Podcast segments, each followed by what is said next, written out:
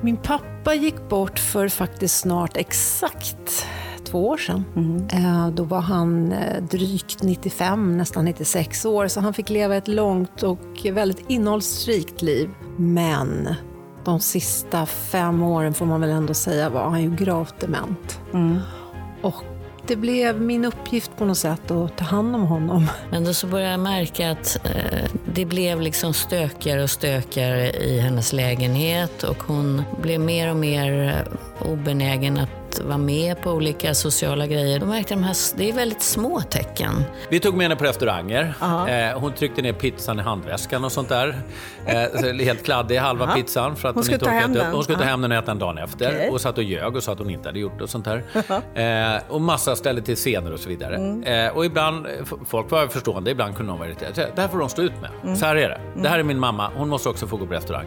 Vi har ju ett system som ska ta hand om de äldre så att allting, allting ska ju funka. Mm, eller hur? Det är, det är som no-brainer. Man kommer dit och dricker en, en kaffe, käkar lite tårta och, och ler och allting är, är jättebra och underbart. Och det är, så här, det är så bra och jag trivs så bra här. Och sen går man därifrån en timme senare och känner sig lugn och skön och glad.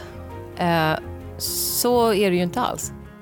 Känner du igen dig? Jag heter Annika Jankell och med podden Inte utan min mamma insåg jag att jag är långt ifrån ensam om alla de tankar, känslor och nya utmaningar som uppstod när jag blev förälder till min älskade mamma.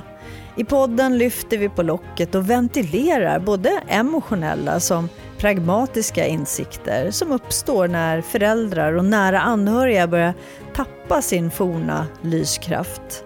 Vill du höra mer? Varje vecka har jag en ny gäst. Så välkomna att lyssna på podcasten Inte utan min mamma.